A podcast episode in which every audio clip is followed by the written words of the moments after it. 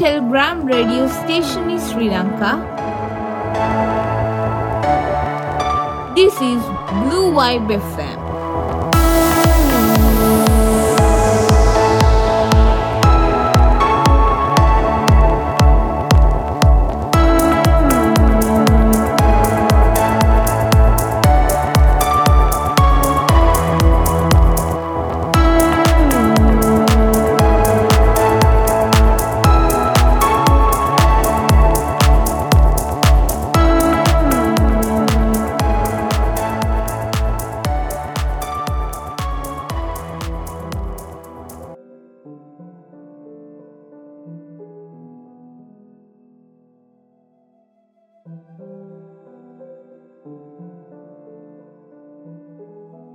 මහා ගල්කුළු පවා අත්තල කරවන සුළු සුසුම් සරයක රාවය දිගට පතුරාලමින් ඔන්න අදත් හරියටම නමය හොරාවට මමාව සුසුම් සරයත් එක්ක බ්ලුවයි බෙෆම් එකත් එක්ක ඔයාලව හොයාගෙන.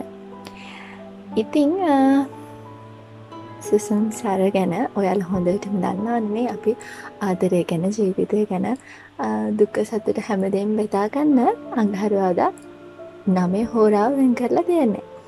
ඉතිං මුලින්ම මතක් කරන්න ඕනේ පරිස්සමින් ඉන්න කියන එක ඒ මතක් කිරීමත් එක්ක අපි අද වැඩසටහන ආරම්භ කරමු. මං අද හිතුවා ආදරය ගැන අලුත් විදිහකට කතා කරන්න.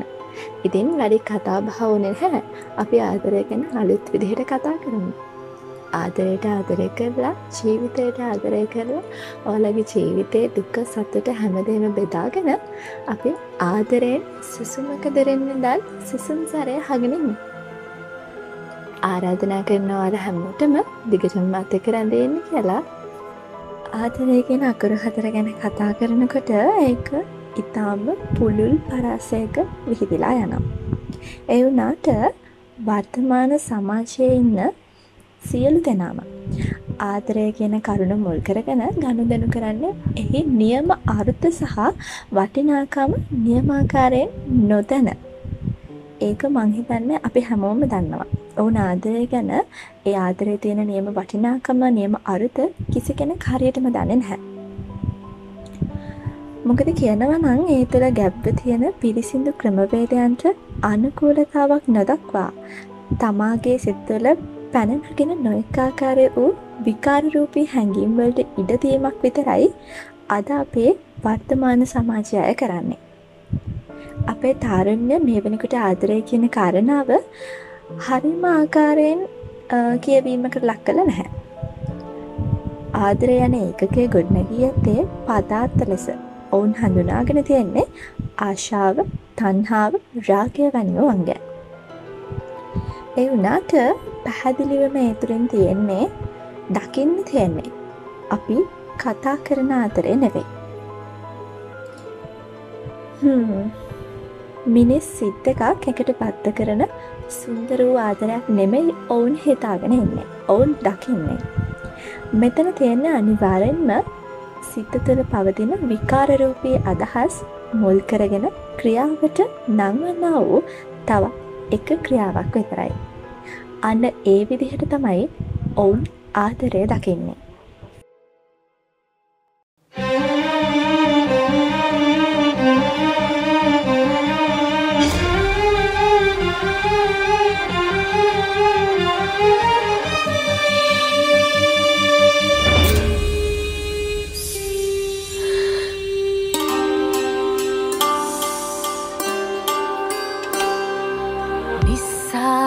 සංසාර හිනේ අතීතේ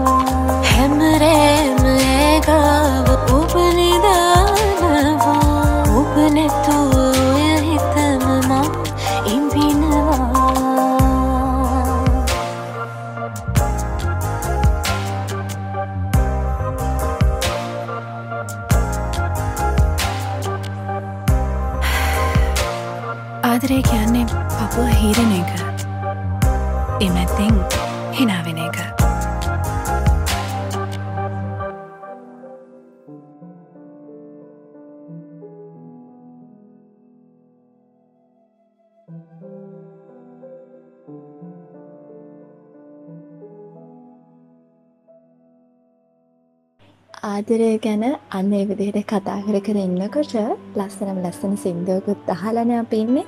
ඉතින් මං හිතුවා අපේම සහෝදරියන් සහෝදරයෝ හැමෝම අපේ සිතුවිලි දහන ගෲප් එකට වෙලා තියෙන ඔයාලගේ අදහසත් මේ ආදරය ගැන මාතෘකාවට එකතු කරන්න. අපි අහලා බලමු කවුද කොහොමද ආදරය ගැන දැකලා තියෙන්නේ විඳලා තියෙන්නේ කියලා. රාගයට වඩා ආදරය හරි මනරම්. දෙතොල් සිපගත්තාට නල්ල මත තැබූ හාතුව ආදරණීයයි. බදා බැන්ද ගත්තට අත්තල්ලන් කළ සක්මන් ප්‍රේමණීයයි. අයිති කරගත්තට ආදරය දන්දුන්න තැන පූජනීයයි. රාගයෙන් ලබන සතුට තාවකාලිකයි. රාගය නැතිවුණදාට ඉදිරිවන්න තරහක් විතරයි. ආදරෙන් ලබන සැනසීම සදාතනිකයි. ඒ ආදරෙන් නැතිවෙලා ගියත් ඒ හිත් තුළ මතක සදාකාලිකයි. මේ නිර්මාණය අපට එවලා තියෙන්නේ වගී. ඔන්නවාට බොහොමත් ස්තුතියි. ඒ වගේම හරිම ලස්සන අදහසක් එකතු කරාට මේ සිතුවිලි දහන ගෲප් එකෙන් හැමෝටම ඔයාගේ අදහස කිව්වට බොහොම ස්තුතියි. ඒක හරිම ලස්සන අදහසක්. හරි. ඉතින් මේ නිසඳසත් එක්ක අපි ආයෙමත් අපේ කතා බහට එකතුවෙමු. මං කිව්වනේ ආදරය කියන දේ හරිටම තේරුම් ගත්ත සමාජයක් නෙමෙයි දැන් තියෙන්නේ කියලා. ඔව් ඒක ඇත්ත. නොයෙක් දෙනා කියනවා බුදුන් වහන්සේ ළඟ මහත් වූ ආදරයක් තිබුණ කියලා. ඒත් මං හිතන්නේ උන්වහන්සේ ළඟ තිබ්බ ආදරයක් නෙවෙයි. මහත් වූ කරුණා බල මහිමයක්. ලෝකවාසී සියලු දෙනා වෙතට එක සිතින් විහිදාලන උතුම් වූ කරුණාවක්. උන්වහන්සේ කරුණාව කියන්නේ පමණක් ගෙන එය හැම දෙනාම් වෙත විහිදුවල පැතිරහැරියා. සියලු දේ සම්පින්ඩනය කරලා ඒ පැටලුණු නූල් බෝලයක් වගේ කරගත්ත නැහැ. නමුත් මේ මොහොත වෙනකොට බොහෝ දෙනා මේ නොයෙකුත් කරුණු පටලවාගන ක්‍රියා කරන්න පෙළමිලා තියෙනවා. දැන් බලන්නකෝ ආදරය හා සෙනෙහස කරුණාව හා මෛත්‍රිය රාගය මේ හැම දෙයක්ම එකට ගොුණු කරගෙන අනා ගැනීමක් කරලා තියෙන්නේ. මේ මොහොත වෙනකොට තරුණ තරුණියෝ ආදරය කරන්න පෙළඹිලා තියෙනවා. මේ වැරදි දෙයක් නෙවෙයි. කොතනකවත් සඳහන් වෙලා නැහැ එය අකුසලයක් හෝ වෙනයම් දුරාචාරයක් කියලා. නමුත් සිදුවෙන්න ඕන නියමාකාරයෙන් එය හඳුනා ගැනීමට උත්සාහ ගැනීම ඉතාමත් වැදගත්. වර්තමාන තරුණ ජීවිත තුළ ඔවුන් විසින් හඳුනාගත් ආදරය කියල කියන්නේ බලවත් තන්හාාව. ඒ නිසා ඒ හා සමානව බැඳිල තියෙන අනෙක් දෙයක් තමයි ඊර්ෂාව හා රාගය කියන්නේ. හිතන්නකො වසර ගානක් එකට ආදරය කරලා මොනයන් හේතුවක් නිසා හෝ එක්කෝ අයට හෝ ඔහුට ගහන්න නැත්තම් මරන්න පිහියෙන් අනින්න මේ හැමදේටම පෙළඹිලා තියෙන්නේ මේ සමාජය ආදරය කියන දේ තේරුම් ගැනීම තුළ බොහොම පහළ මට්ටමකින්න නිසා. ඔන්න ආදරය කියලා දකින්නේ ඒ ඊර්ෂ්‍යාව ක්‍රෝධය වෛරය තන්හාාව. ඉතින් එතන තියෙන්නේ රාගය ආශාව මිස ආදරය සුවඳ නෙමෙයි. එතන තනිකරම බිහිවුණේ වේශයක්. ඒ දවේශයට හේතුව ආදරය කියන උතුම් වූ කරුණ නොතැබීම. මේකට හොඳ උදාහරණය තමයි අපිට තියෙන හොඳම උදාහරණය සිද්ධාර්ථ යශෝදරා ප්‍රේමය. ඉතින් මේ ගැන කතා කරනකොට මට හම්බුණා අපේ සිතුවිලි දහන ගරුප් එකේ ෂයා වෙලා තියෙන ලස්සනම ලස්සන නිසඳෙසක්. අපි නිසඳෙස අහල බලමු. යශෝදරාව නෙමෙයි පලාගත්තේ හදවත කන්තක කියන උන්ට මේ තමයි උත්තරය. කන්තක වගේ යශෝදරාවත් බලාගත්ත නම් හදවත සිදුහත් හැරෙනවා මිසක් යයිතපං අනෝමාවෙන් ඇතරට.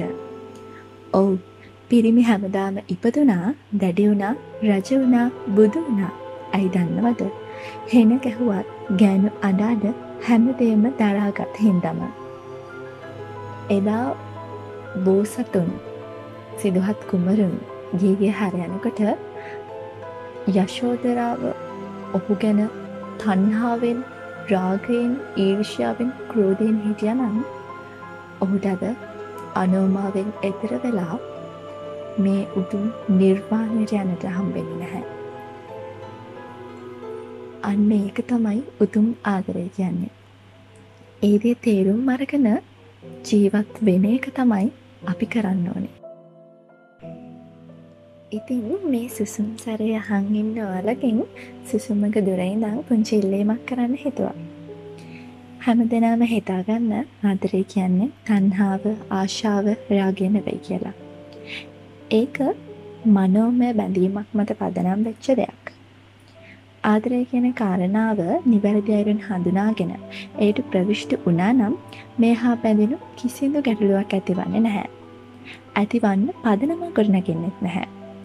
කිසිම වෙලාවක උත්සාහ ගන්න ඕනෙත් නැහැ තමාගේ අදහස්වලට කැමති නොවන ඒ සඳහා අනුකූලතාවක් නොදක්වන විෂම අදහස් හා හැඟීම් තිබෙන අය හා සම්බන්ධතා ඇති කරගන්න. මොකද කියනව නං එතනද සිද්ධ වෙන්නේ ආදරයේ මායාව හා ඔබ එක්තැන්වීම් මිස සැබෑ ආදරය සොයායන්නට මං පෙත් විවර කර ගැනීමක් නෙවෙයි. ඒ නිසා පාට ගැවුණු හීනවලින් මිදිලා යථාර්ථවාදී වූ පිරිසිදු හැඟීම්වලින් පිරි ආදරය හඳුනාගන්න ඔබ සියලු දෙනාම උත්සාහ ගන්න. ඒ ආදරත් එක්ක ජීවත් වෙන්න උත්සාහ කරන්න ලස්සනට ආදරය කරන්න ඒක තමයි මං ඔයාලට අද සිසුම් සැරෙන් දෙන උපදේශයක්. එහෙනම් අපි තව සින්දුවක් අහලෙමුකෝ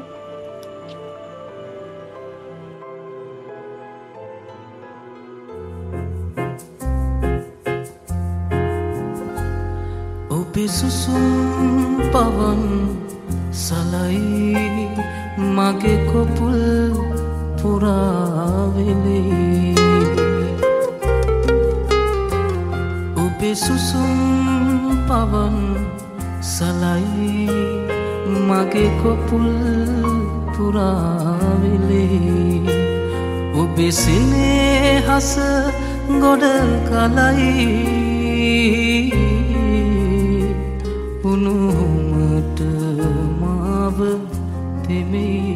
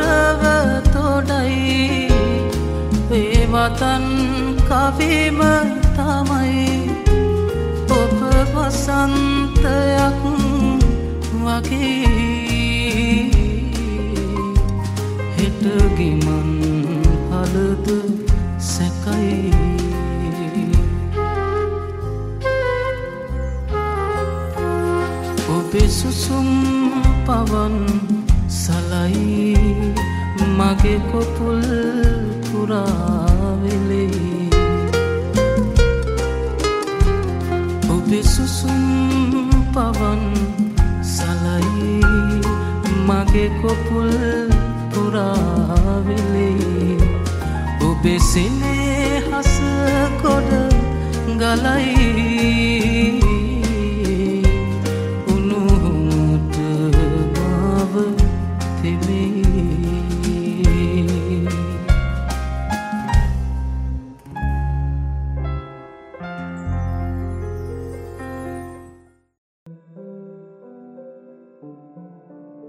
ඉතින් මේ සිද්ධාර්ථ යශෝධරා චරිත දිහා බලනකොට මුළු අනාධිමත් කාලයක ඉඳන් ඔවුන් අතර ආදරය කියන දේ අන්‍යෝන්‍ය අවබෝධයකින් යුතුව බැඳිලා තිබ්බා. ඔවුන් දෙදෙනා මුළු සංසාරයක් පුරාම ඇවිත් තියෙන්නේ ආදරය හා සෙනෙහස සමග අත්වැල් බැඳගෙන. ඔවුන් තුළ රාගයක්, ද්වේෂයක්, තණ්හාවක් කිසි විටක පැවතුනේ නැහැ. ඒ නිසාවෙන්ම සසර චක්‍රය පුරාම ඔවුන් එකම ආකාරයකට උපදිනට වරන් ලැබවා. සඳ කිඳුරු ජාතකයේ සඳ කිඳුරා සහ කිඳුරිය ලෙසත් උපත ලැබුවේ පෙර ආත්ම භව සිට වල සිට ඔවුන්ගේ ආදරය බලමහිමෙන් තිබ්බ ඒ අපූරු බලමහිමේ නිසාවෙන්. ඒ වුනාට මේ වෙනකොට පාසල් වියේ දරුවෝ ආදරය කියන වචනයට මුලා වෙලා ඒකෙන් මුවා වෙලා ආදරය කරන කියන මායාව තුළ හැරි හැසිරෙනවා. තමන්ගේ හිත ඇතිවුණු කුමක් හෝ හැඟීමක් ප්‍රකාශයක් ලෙස තවත් අයකුට ඉදිරිපත් කිරීම මිස ඉන් එහාගේ ආධ්‍යාත්මික බැඳීමක්. ඒ තුළ ඇත්තෙ නැහැ. අධ්‍යාපනය පවා දරුව විනාශ කරගන්නා මේ මුලාවට රැවටිලා. ඒ අයගේ ආදරය කියන්නේ මායාව තුළ තියෙන යම් යම් දේවල් සන්තර්පනය කරගන්නට නොහැකි තැන. ඔවුන් විසින් තමන්ගේ අධ්‍යාපන ඉලක්ක පවා අසාර්ථක කරගෙන මේ ආදරය පොසපස හඹා ගිහිල්ලා ජීවිතයෙන් පවා වන්දි ගෙවනවා. ඒ වගේ සිදුවීම් මාලාවක් අපිට අද වෙනකොට අද සමාජය වෙනකොට අහන්න දකින්න තියෙනවා. ඉතින් මම හිතන්නේ මේ සිසුන් සැරයත් එක්ක එකතු වෙලා ඉන්න ඔබවත් හිතන්න අධ්‍යාපනය ලබන කාලේ ආදරය කරන්න පහ කියලා නෙමේ මම කියන්නේ නමුත් තමන්ට සුදුසු කාලය සුදුසු දේවල් කරන්න. එතකොට ජීවිතයක් වුණත් සාර්ථක වේවි. අනිත්ය තමයි ආදරය කියන වචනය හරිම අරුත තේරුම් අරන් ඒ වචනයට වටිනාකමක් දීලා ඒ ආදරය විඳින්න ආදරය කරන්න. එතකොට ඒ තුළිනුත් ඔවුන් ඔබට යම් විශාල සැනසීමක් ලැබේවි.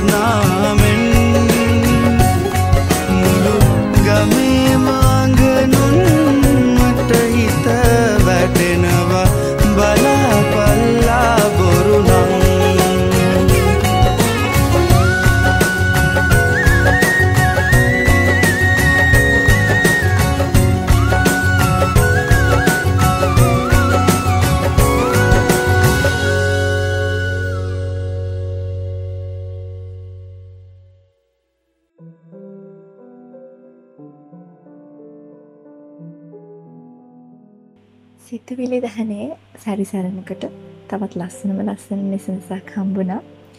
අවුරෝර තමයි මේ කියවල තියෙන්නේ.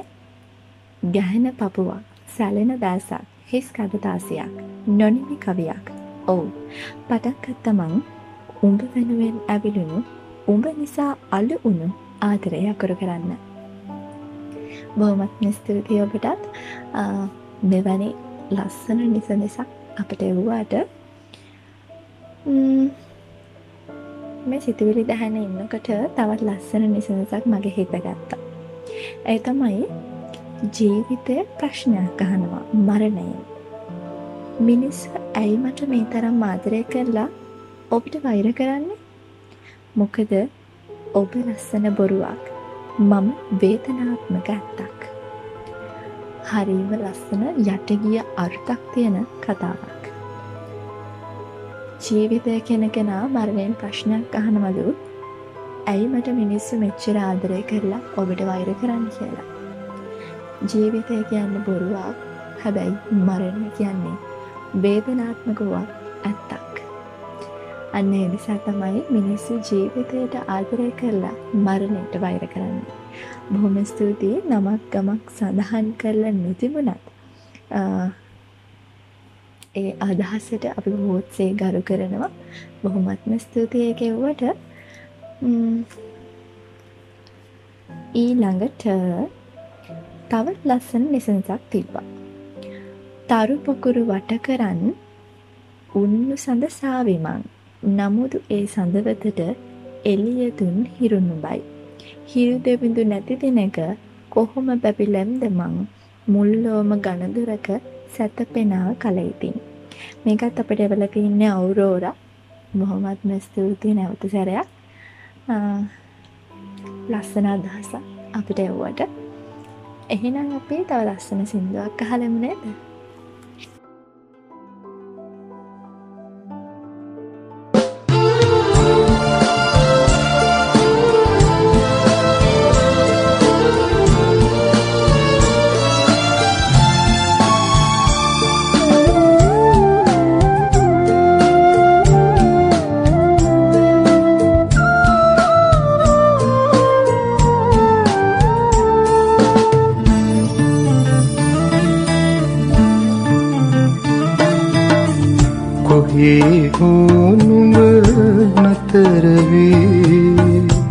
කාට හෝ ජීවිතයදී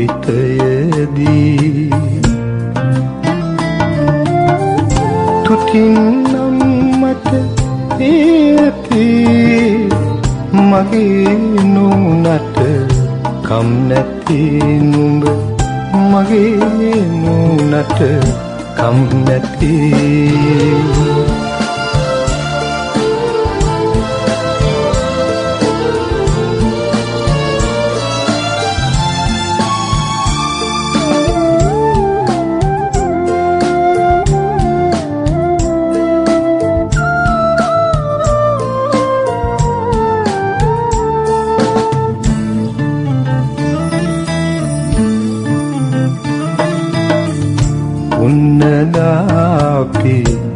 අපේ වීනුඹ දුන්නු සෙනෙහස අරුමැති.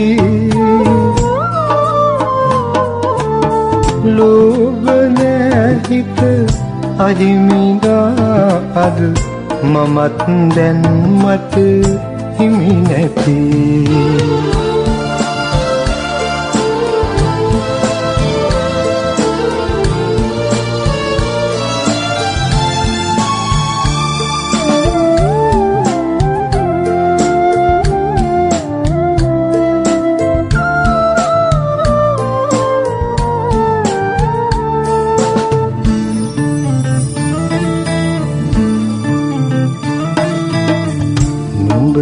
ළඟත් මතකය ඇති.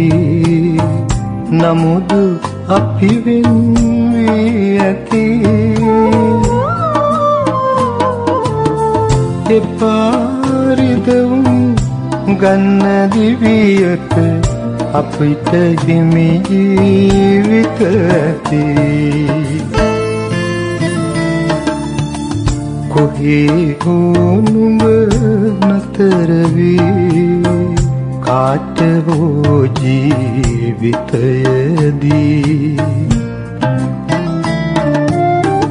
තුටින් නම් මට ඇති මගේ නූනට කම් නැති නුඹ මගේ නූනට කම් නැති.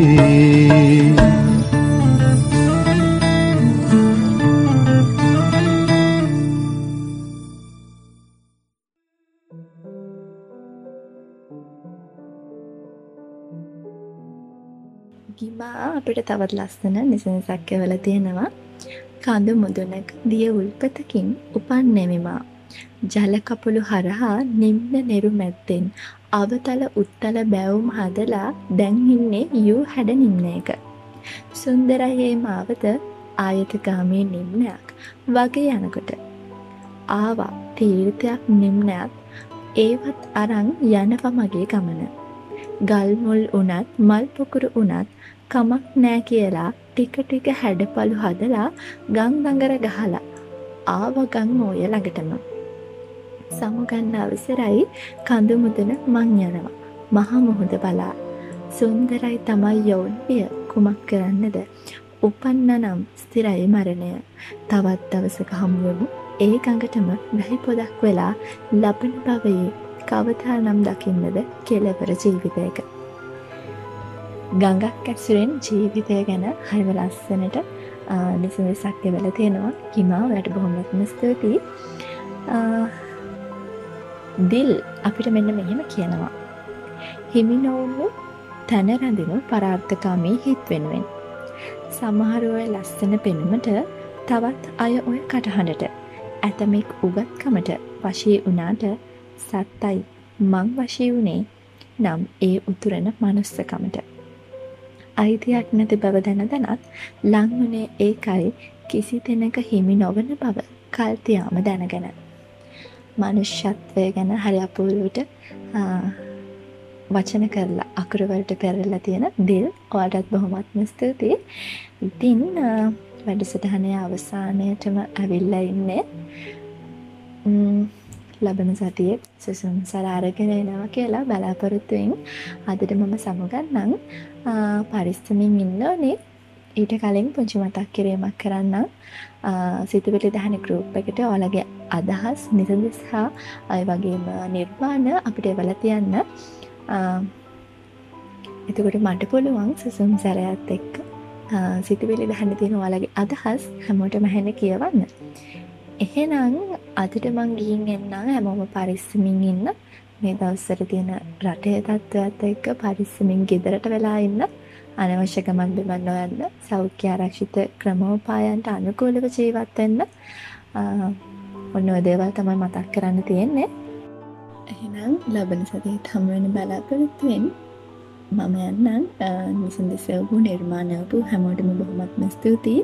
ඒ වගේම දිගටම අපිත් එක්ක රැඳිලා ඉන්න ලබන සතියේත් සුසුම් සැරය අහන්න එන්න හරියටම අඟහරුවාදා නමයට. එහෙනම් මං ගිහින් එන්නම්. හැමෝම් පරිස්සමින් ඉන්න